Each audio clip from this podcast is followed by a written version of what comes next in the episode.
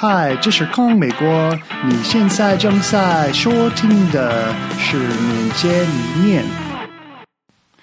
微光测试是金字塔的基石，金字塔的最小部分是顶层，因为它比宽敞的底部要窄得多，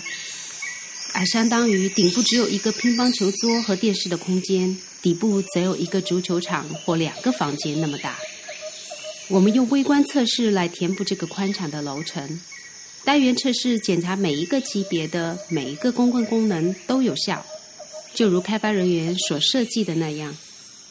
微观测试检测该功能的细微行为变化，测试该功能对不同的输入数据都可以正确执行，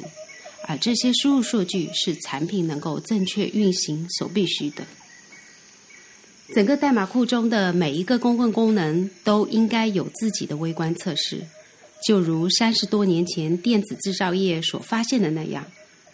在组装产品之前，只使用单元测试的芯片和电子元件。因微观测试不需要应用程序、外部服务、网络连接、文件系统或数据库的部署。开发微观测试最有效的方法是由开发人员在用一个叫“测试驱动开发”的练习来编写代码的同时建立的。关于这个练习，我们将在以后的节目中介绍给大家。而为建立自动化微观测试的工具，也被称为单元测试，是 JUnit、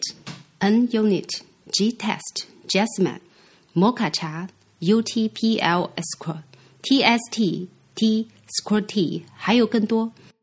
下一集我们将前往金字塔的顶层，谈谈宏观测试。